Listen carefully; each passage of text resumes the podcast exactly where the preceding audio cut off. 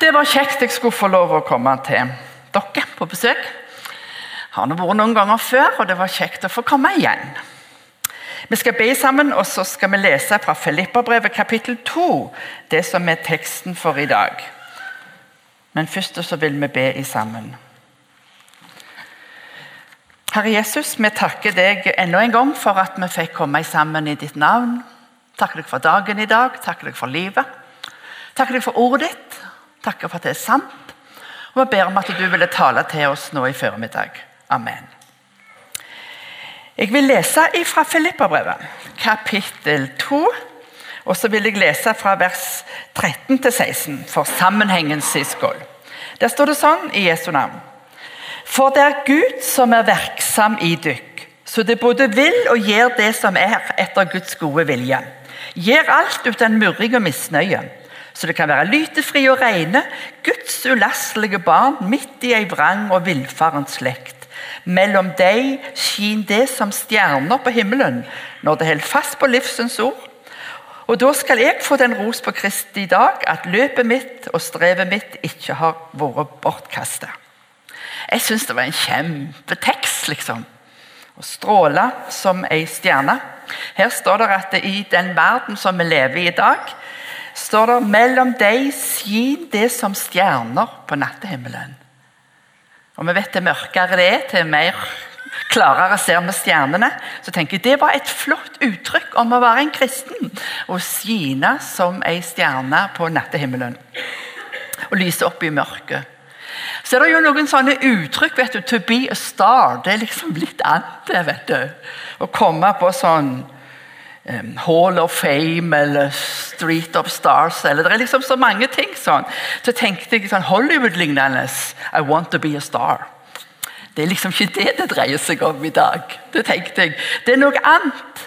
Hvis du går rundt og want to be a star, da er det mer å ønske seg ære og berømmelse for seg sjøl og for stjerner i gata der og alt det der. I denne sammenhengen handler det om helt noe annet. Å skine på nattehimmelen i det dere holder fram Guds ord, står det, og være vitner om Jesus med ord og liv. Og så har jeg jo hørt på nyhetene at vi er verdens lykkeligste land. Er, nå er vi på topp igjen. Vi har ramla ned en stund, men nå er vi på topp igjen. Og Jeg så en undersøkelse for mange år siden der de spurte folk hva det var som gjorde de lykkelige. Og Det var noen forskjellige ting, men det som sto fram, var at de var lykkelige når de hadde fritid, og så var de lykkelige hvis de ble kjendiser. Da tenkte jeg uh, det var noe veldig, da. Men så så jeg sånn, sånn eh, Kjendisfarmen, vet ikke om dere så på det. Der ble de presentert hva yrker de hadde. Der var det ei som kom, så sto det yrke kjendis og blogger. Det synes jeg, jeg synes det var litt herlig. Jeg tenkte, Går det an? Ja, det gjør det. altså. Mitt yrke er kjendis og blogger så tenker jeg at jeg tenker at Gud har ønsket noe mer med våre liv. Men sannelig, er du kjendis og, blogger, så kan en jo bruke det i den gode tjeneste òg, og spre Guds ord. Men jeg synes liksom, jeg er nå glad på en måte at mitt yrke ikke er kjendis og blogger. Men du kan jo bruke det noe godt. Det kan vi samme hva yrke vi har. Men dere skal få høre i dag fra Guds ord noen eksempler, tenkte jeg om noen som er stjerner som lyser på nattehimmelen. Som vi kan lære noe av. Jeg har tenkt jeg skal si noe om Josef. Jeg har tenkt jeg skal si noe om kong David. Jeg skal si noe om en som heter Fanny Crosby, og så skal du få høre om en som heter Raoul i Peru. Først skal du få høre noe om Jesus. Vi leser noen enkle vers. Johannes evangeliet kapittel 1 vers 9. Der står det sånn det er Jesus som skal bli født. Og det står når han ble født, så står det det sanne lyset som lyser for hvert menneske, kom nå til verden. Hvor skal jeg hente lyset ifra? Det sanne lyset som lyser for hvert menneske, det kom til verden når Jesus ble født. Så leser jeg også fra Johannes evangeliet kapittel 3, vers 19. Og det er litt trist, for det står sånn. Og dette er dommen. Lyset er kommet til verden, Og menneskene elsker mørket mer enn lyset, for gjerningene deres var vonde. står der. Da syns jeg den der nattehimmelen kommer så veldig klart. Blir så mørkt. Sånn er det. Menneskene står der. Lyset kom til verden, og menneskene elsker mørket mer enn lyset, for gjerningene deres var vonde. Men nå, jeg, nå, går det litt fort i dag. Johannes evangeliet kapittel 8 vers 12. Det er Jesus som taler til folket, og så står det sånn. Igjen taler Jesus til folket og sa, 'Jeg er lyset i verden.' 'Den som følger meg, skal ikke vandre i mørket, men ha livsens lys.' Hvor kan jeg hente lys ifra, jeg som har lyst til å skine for andre? Jesus sier den som følger meg, skal ikke vandre i mørket, men ha livets lys. Så har du tatt imot Jesus, følger du Jesus, har du Jesus i ditt hjerte, så går du i grunn rundt som et levende lys. Gjør det? Og Jesus forklarer dette her i Matteusevangeliet, kapittel 5, vers 14-16. Da sier Jesus det er lyset i verden. En by som ligger på et fjell, kan ikke gjemmes, kan ikke skjules, står der. Så tenker, tenk Jesus sier, følger du meg, så har du lyset i deg. Og en by som ligger på et fjell, kan ikke skjules. De må se oss, sier Jesus. De må se oss. Jeg tenker på en måte så står det at det vil komme for en dag hvem vi er. Akkurat som månen henter sitt lys fra sola, så får jeg og du skine for Jesus hvis vi lever med han og kjenner han. Jeg skulle kjøpe et kort en dag til ei som fylte året. Så tenkte jeg nå vil jeg si det til henne at um, Jeg tenker på det, går med, med ja, sånn. Og Så gikk jeg og så jeg på hylla med sånne kort. Der var det et kort av en som sto og holdt på en kontakt. Og så sto der 'Jeg holder kontakten'. Og Det syns jeg var så artig. Så tenker jeg ehm, Det sier Jesus på en måte. Jeg holder kontakten. Jeg holder kontakten. Sto han og holdt i ledningen, liksom. Hvis det er sånn at jeg lever med Jesus, så holder han kontakten. Da blir det lys. Da blir det lys. Og så har Jeg i det siste, jeg reiser jo som predikant Norge rundt. I det siste så har jeg lest fra Markusevangeliet om en som møtte Jesus. Det var en spedalsk. Det står i Markusevangeliet kapittel 1 fra vers 40 til 45. Men det står om at en spedalsk kommer til Jesus og sier han til Jesus hvis det du vil, så kan du gjøre meg rein. Og Så sier Jesus 'bli rein'. Og Mannen ble ren, men det samme ble sykdommen borte, og mannen ble ren. Og Så står det at Jesus talte strengt den og sa 'Se til at du ikke sier et ord til noen om dette'. Tenkte, Det står ikke det. tenkte jeg, Det er feil. Det kan jo ikke stå det. Jesus må jo være så glad hvis han begynner å fortelle. Men Jesus sier 'Se til at du ikke sier et ord om dette til noen'. Men gå og vis deg for presten og ber fram de offer for rensinga di som Moses har gitt påbud om. Det skal være et vitnemål for dem. Men så står det om denne mannen. Men mannen gikk av sted og gav seg til å fortelle om det som hadde hendt. Han gjorde det kjent vidt og bredt. Han kunne ikke la være. Jesus ville ikke at han skulle fortelle det, for Jesus hadde opplevd når han metta 5000 at dagen etterpå så kom det tjukt med folk igjen. Og Da sa Jesus til dem dere kommer bare for dere fikk brød i går og ble mette. Dere har ikke skjønt tegnet hvem jeg er. At jeg er det levende brødet som er kommet ned for å tilgi dere synder, gi dere evig liv. Dere vil bare ha brødet. Kanskje det var det som Jesus hadde i bakhodet. Så sier han til mannen ikke gå og fortell det til noen. Men han kunne ikke la være står han. og da står til og han gikk av sted og ga seg til å fortelle om det som hadde hendt. Han gjorde det kjent vidt og bredt. Det måtte ut, liksom. Og tenker å, sånn har jeg lyst til å være. Jeg var på ei julemesse her, og da leste jeg denne teksten. og Da sa jeg om han der mannen Det ble så stort og rikt for han at han hadde møtt Jesus, at han kunne ikke la være. Så seg. Han sprakk, sa jeg. Så var det en gutt som satt langt framme. Oppreiste seg og sprakk han, sa han. Han trodde sikkert innvollene kom ut, altså. Ønsker du å være sånn? En som det sprekker for? Jeg har møtt Jesus. Han har tilgitt meg mine synder. Han har gitt meg mål og meiling. Han har gitt meg håp om evig liv. Han har reist meg opp igjen. Jeg må få sagt altså. altså så, så, jeg skulle ønske vi sprakk alle sammen. Da skiner vi som stjerner på nattehimmelen. For det er mørkt. Vi kunne tatt opp mange ting som gjør at vi syns det er mørkt. Mange ting. Vi blir så bekymra for så mange ting. Så sier Jesus dere er stjerner som skinner på nattehimmelen. Det står om disiplene. De ble, gjorde under Peter, og de gjorde under å helbrede en, en mann. Og så står det at Peter og Johannes ble tatt inn til Det høye råd. I apostelgjerningene 4 står det. Og Så kalte de de inn og så sa de, nå må dere slutte å forkynne i Jesu navn. Og Så står det at Peter og Johannes svarte, døm selv om det er rett i Guds øyne å lye dykk mer enn han. Vi kan ikke annet enn tale om det vi har sett og hørt. Altså, De kunne ikke si nei, vi, skal ikke si noe i hans navn. Det måtte ut. Tenkte, åh, om det hadde vært sånn, hvordan er du? Og En mor og en gutt som reiste på buss, så leste jeg i et sånt barneblad. Og så han Gutten han uh, satt og sang. Unger synger jo gjerne etter bildur og busstur. Og så, han satt og sang. Og så sang han på noen sånne søndagsskolesanger. Så sang han litt høyt. Så sa mora du må tie stilt. Du må ikke synge så høyt. Ti stilt. Og så sto det i det der søndagsskolebladet at denne gutten hadde sagt ja, men mor, det synger inni meg. Men jeg hørte, tenkte jeg synger det inni meg.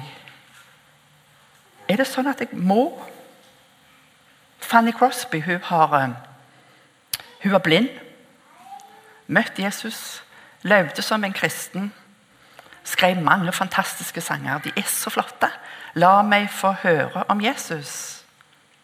Og så skriver, eller synger vi i kor på den sangen. Syng for meg sangen om Jesus. Syng den i sjelsdypet inn.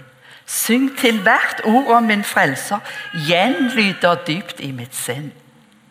Tenk det å få høre om Jesus, sånn at det, det synger inni oss. Liksom. Det blir et sånt ekko.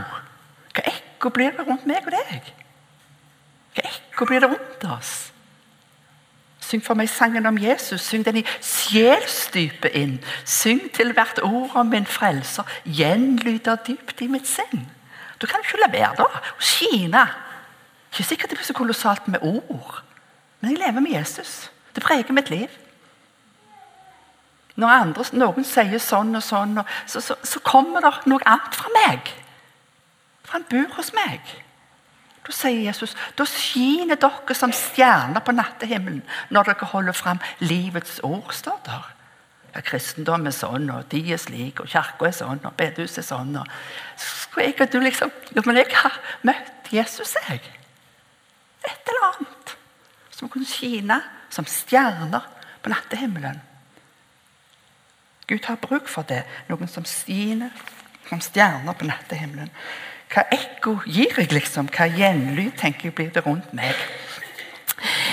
Nå skal jeg ta fram for dere om Josef. Jeg pleier å se på folk hva de kan.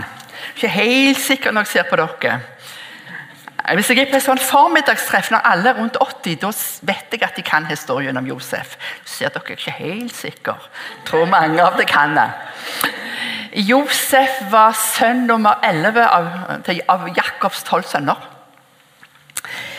Det står i Bibelen, og det, jeg syns nesten er litt stygt vet du hva det står? I første Mosebok kapittel 37 så står det at um, jo, Jakob elska Josef mer enn, alle, enn alle de andre sønnene. Tenk at han gjorde det. Det står det i vers 3 i eh, første Mosebok 37. Jakob elska Josef mer enn de andre sønnene, står der. Og så ga han henne en flott kjortel. Kjempeflott kjortel. Og så um, la de andre brødrene få hat. De ble så misunnelige. Hvorfor skal far elske han mer enn oss? De la han få hat. Og så begynte han å drømme. Store drømmer. Kornband og alle andre kornband skulle bøye seg for hans kornband. Sol og måne og stjerner skulle bøye seg for han. Og de sa 'Hvem tror du du er?' At vi skal komme og bøye oss for deg noen gang. Hva slags store tanker er du har? Så kalte de han for stordrømmeren. Så kom han en gang og skulle besøke dem, så, så tok de han. heiv han ned i en brønn. Og De tok den fine kjortelen han hadde, og drepte en geitebukk. Så tok de og dypte den kjortelen i det der geiteblodet. Så tok de han opp på brønnen når det kom en karavane forbi. Så solgte de han så han havna i Egypten. Så gikk de til faren med kjortelen og sa ikke denne, er det sønnen din sin? Så ufysende og stygge de var. Gutten var 17 år. Havna i Egypten. Havna hos Potifar, som jobba for farao. Kona til Potifar kastet øynene sine på han og sa 'kom og ligg med meg'. sa den unge gutten. Han sa 'hvordan skulle jeg kunne gjøre noe sånt og synde mot Potifar og mot min Gud', sier han. Nei, det vil jeg ikke, sa han. Jeg vil ikke det. Stakk han av. Løy på han. Havnet i fengsel. Satt i fengsel til han var 30 år. Så står det i Bibelen 'men Gud var med han'. står der. Så tenker jeg, For et mørkt bakteppe for en unge gutt. Liksom. Sitte der i fengsel. Det er så tragisk og det er så mørkt. Men Gud var med han, står der. Så kunne han tyde drømmer. Fikk kongen eller farao sånne drømmer om magre kyr og feite kyr, og fulle aks og tomme aks. Så kunne han tyde det. Det betyr at det kommer uår i landet vårt, og det kommer gode år. Eller gode år og uår. Farao slepte han fri. Og Så satte han han til nestkommanderende i landet og skulle samle mat eller korn når det var. Fulgte opp, så de hadde noe å gi til de som trong. Så sa farao når Josef kjører fram, da skal det ropes ut 'bøy kne, bøy kne, bøy kne'. Så bødde de seg for han, tilba han der. Kom brødrene fra Israel for å kjøpe mat, og så møter de Josef. Og Da tenker jeg, da ga han de vel inn. Han var jo så fornedra, ikke sant? Han ga de sikkert inn. Skal du høre hva han sier til dem? Det er helt utrolig. Hvem kan snakke sånn, tenker jeg. Det står sånn at han sier i 1. Mosebok kapittel 45, vers 5. Kom hit til meg. De gikk bort til han, og han sa, 'Jeg er Josef, bror dykker, han du solgte til Egypt.' 'Vær nå ikke sorgfull, og døm ikke deg sjølve fordi du solgte meg.' 'Det var for å berge liv at Gud sendte meg før dykk.' Men Gud sendte meg i forveien for å la dykk bli en rest på jorda, så du skal leve, og mange blir berga. At det går an å si noe sånt. tenker jeg. Hvem kan snakke sånn? En som lever med Gud. Dette kan det starte Farao sa om denne Josef. Guds ånd er i han, sa han. Noe merka de. Guds ånd er i han, sa han. For, ja. tenker, Hvem kan snakke sånn og tilgi? som Josef gjorde. Jo, for han levde med Gud. Han levde med Gud. Han redda slekta si, og mer enn det. I den slekta ble Jesus Kristus født en gang. I, den, i det folket. Og ble til redning for alle. Men Josef levde med Gud. Og så synes jeg det er så flott. Han, han, levde et, han var hel i sin ferd uansett. Når han var fornedra, og når han var opphøyd. var det samme hele veien. Det var ekte bare Josef. Og Han er et sånn et eksempel for oss. Og Så peker han framover mot Jesus. Det er jo det flotte med det. Mange paralleller med Josef og Jesus. Jesus òg ble fornedra. De solgte Josef for 20 sølvpenger, og Jesus solgte de for 30. Begge hadde en fin kjortel. Begge var elsket av far. Ja, Det står om, om Jesus at himmelen åpna seg, og Gud sa dette er min sønn, i han har mitt velbehag. Og Så ble han fornedra og så ble han skulda for noe Josef, noe han ikke hadde gjort. Om Jesus så står det han som ikke visste av synd, ble gjort til synd for oss, for at vi skulle kunne stå rettferdige for Gud i Han. Jeg blir så imponert på en måte når jeg leser om Josef. Tenk å, å å lyse som ei stjerne der i mørket. Sånn at til og med farao la merke til det og sa Guds ånd må være i han. Som er sånn. Og Så peker han framover mot Jesus. Han, Josef han fikk gi brød og mat til slekta si. Jesus sier 'Jeg er det levende brødet som kommer ned fra himmelen for å gi verden liv'. Og de falt på kne for Josef æren. Om Jesus så står det at en dag skal alle, i himmel og på jord og under jorda, alle skal bøye kne for han og sanne at Jesus Kristus er Herre. står det. Jeg syns at Josef er en av de som virkelig skinner i mørket. Og han, For å si det rett ut, så syns jeg nesten han blir for god for oss. Hvem kan være sånn, tenker jeg. Være så heil. Ikke sant? Hvem kan leve sånn? Så har jeg lest om en annen, og det er kong David. Han står der i Bibelen at han blir kalt for 'mannen etter Guds hjerte'. står der. Og Det var ikke fordi han var uten feil. Han var litt annerledes enn Josef. Josef sa 'Hvordan skal jeg kunne synde og ligge med fru Potifar?' og synde mot min Gud? Men kong David, denne store kongen, han lot seg friste. Han så Batseba, som var gift med Urias. Han ba henne komme til slottet. Han lå med henne. Når hun ble med barn, så tenkte han hvordan skal jeg klare å få knekt Urias? Sende han i krigen, og han dør der. Grusomt stygt gjort av en konge. Skinner ikke som ei stjerne i det hele tatt, syns jeg. Men blir kalt mannen etter Guds hjerte.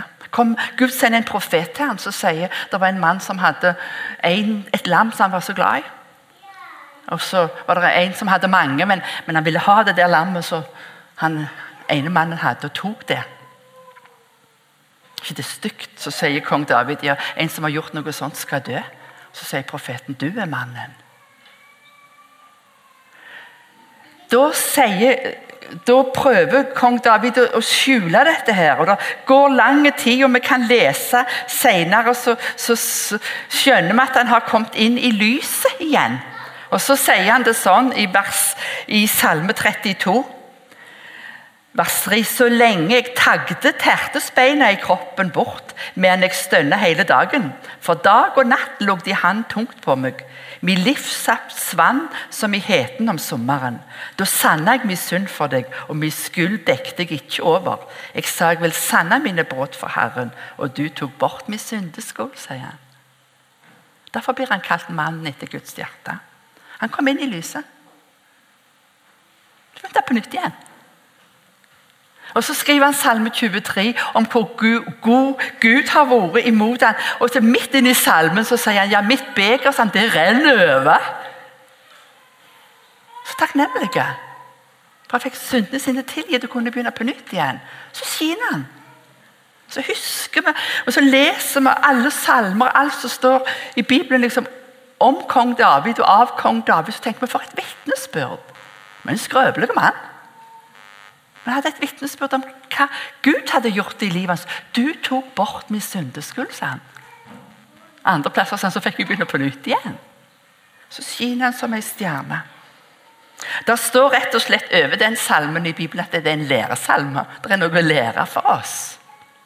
Som har lyst til å skine som ei stjerne på en mørk nattehimmel. Og så syns vi vi går i ett med mørket mange ganger. Så inviterer Gud oss til å komme. Den som vandrer den som følger meg, sier Jesus, han har lyset i seg. Og En by som ligger på et fjell, kan ikke skjules. Så vil vi lyse i glede over at vi har møtt Jesus. Jeg tenker En kan sprikke av glede når en oppdager påskens budskap, som vi snart skal feire. Eller nattværen som vi tok imot. En kunne sprikke av glede. Tenk at Jesus døde for mine synder. Tenk at han har tilgitt meg. Tenk at han vil bo i meg. Jeg eh, driver og kjøper meg hus. Nå skal jeg ta det til slutt før du får høre fra Peru. Jeg driver og kjøper meg hus. Um, og Derfor har jeg lest i Høysangen.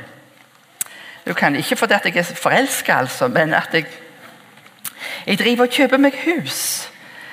Og det huset som jeg vil kjøpe meg på det der prospektet eller på reklamen for det huset, så er det avbildet med et epletre framfor. Oh. Hva falt så for det der huset med det epletreet?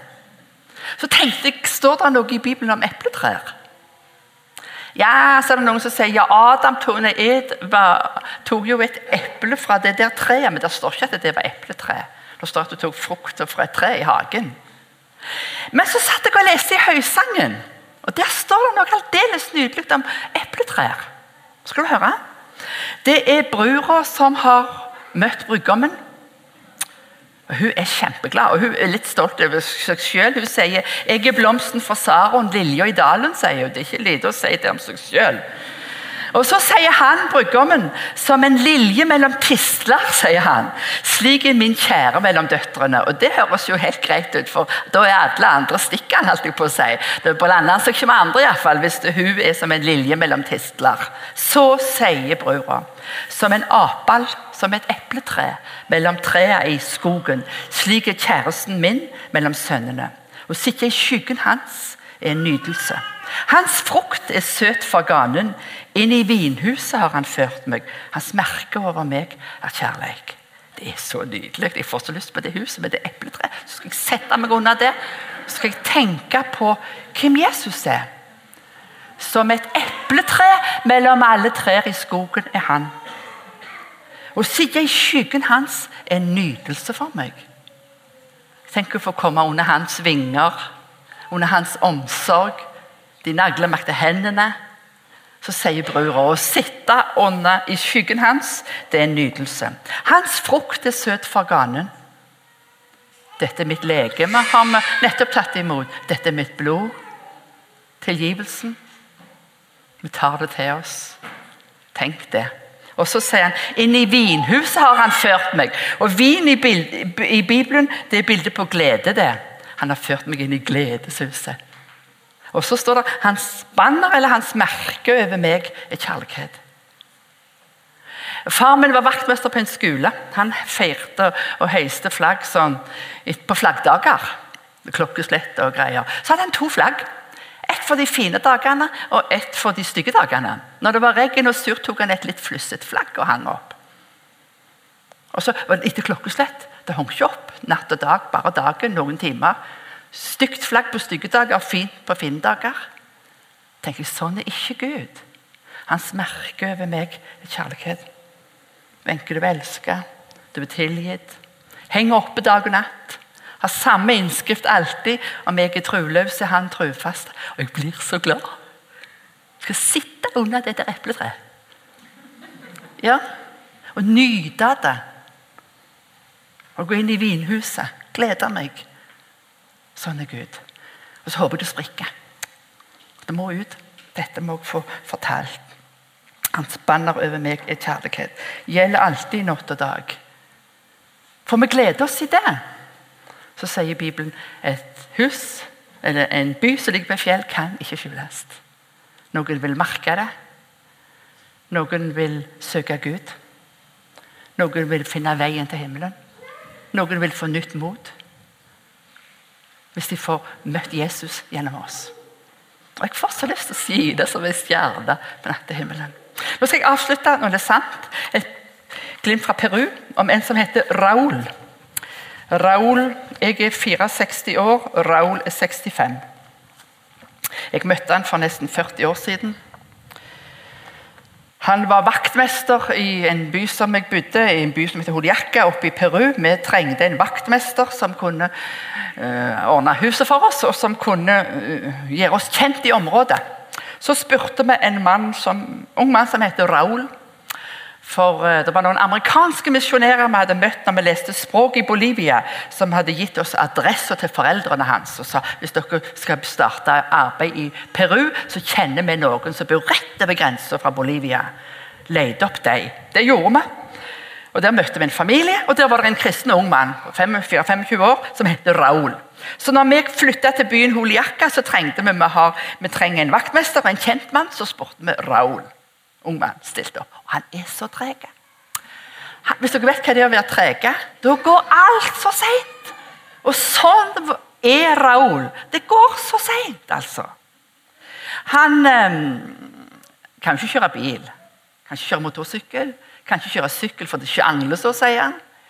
Men det gjør de jo på 4000-5000 meter over havet. altså. Men så har jeg aldri sett han springe. Han bare går, og han går seint. Nå ser du han for deg. Det gjorde han da han var 25, og det gir han i dag når han er 65. Men vi, vi, vi møtte han, og ja, han var vår hjelper. Eh, så kom det en misjonert familie også til byen Holiakka, for vi var bare to jenter. og så kom han denne familien. Så sier hun misjonærdama jeg skulle hatt ei hushjelp. Da sa Raoul jeg kan skaffe ei. Det er ei ung jente i min heimbygd. Hun kan sikkert komme. Ja, Så kommer hun ut til byen. Og Så gikk han til hun misjonærdama og så sa han, du må si til, eh, til hun Asunta, som hun heter, den unge jenta, når hun, du gir henne lønn, at hun må ikke bruke pengene sine til tull og vas. og sånn. Si hun må kjøpe gryter og tallerkener og ulltepper. og ja, Hun misjonærdama sa det, og den unge jenta kjøpte lager. vet du. Etter noen år så fridde han til henne. Så visste han hva han fikk, vet du. Fullt. Ja, det gjorde han. De er lykkelig gift i dag. Så Så har han arbeidet som evangelist i den lutherske kirka i Peru. Så han jobba som pastor. Så har han vært vaktmester på bibelskolen. Og Jeg var i Peru nå fra 2013 til 2014. Da var han hovedpastor for ti kirker og ti pastorer. Så møtte jeg han. En helg i måneden reiste jeg inn i det området. skulle vi gå og besøke ei kirke på lørdagen og ei på søndagen. Og er, Noen lå opp mot 5000 meter over havet, 4700 meter, og da går jeg seint, altså. Når du parkerer bilen og skal du gå opp eller ned til en sånn. Jeg går seint. Så går jeg sammen med Raoul, som har drevet på der i 40 år. Så sier jeg, 'Kjenner ikke du at vi er blitt eldre?' sier jeg. Raoul, kjenner ikke du det? Jeg puster, vet du. Så sa jeg, 'Det går litt seinere nå', sa han. Og han som var så treg fra før. Hvorfor jeg forteller om han? For han er noe av det flotteste jeg vet om i Peru. Han tjener i 40 år. Han har gått mange mil. Opp og ned og hit og bort. En av mine medmisjonærer har skrevet et bitte lite stykke om han. Nå skal du få høre det. Det heter 'Når Raoul spiller på mandolinen', for han spiller på mandolin.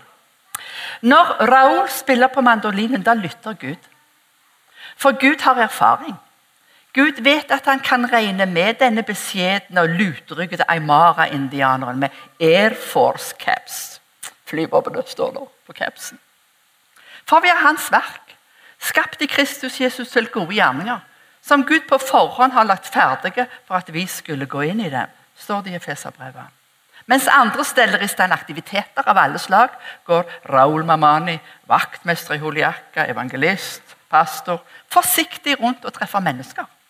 Små stemnemøter som Gud allerede har regissert. Det slår meg hvor mange mennesker som forteller at den første smaken på kristentroen den fikk de gjennom Raul.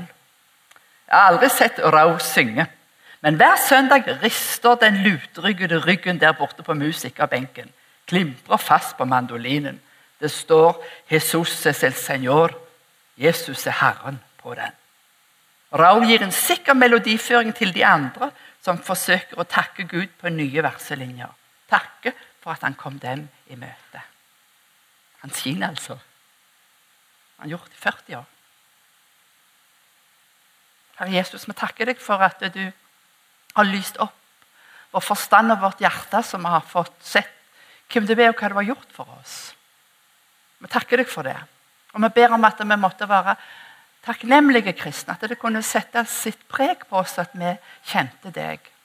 At vårt beger rant over. At vi ikke bare satt under epletreet og nøt det for oss sjøl, men at vi, vi, gikk ut og fortalte det. Takker deg for Raul Asunta. Fire barn og svigerbarn og barnebarn. Herre Jesus, takk for velsignelsen de er blant sitt eget folk takker deg for eksempelet om Josef, om kong David. Takker deg for det vi kan lære. Og Så ber vi Jesus at navnet ditt måtte få gjenklang i våre hjerter og i vårt sinn. Amen.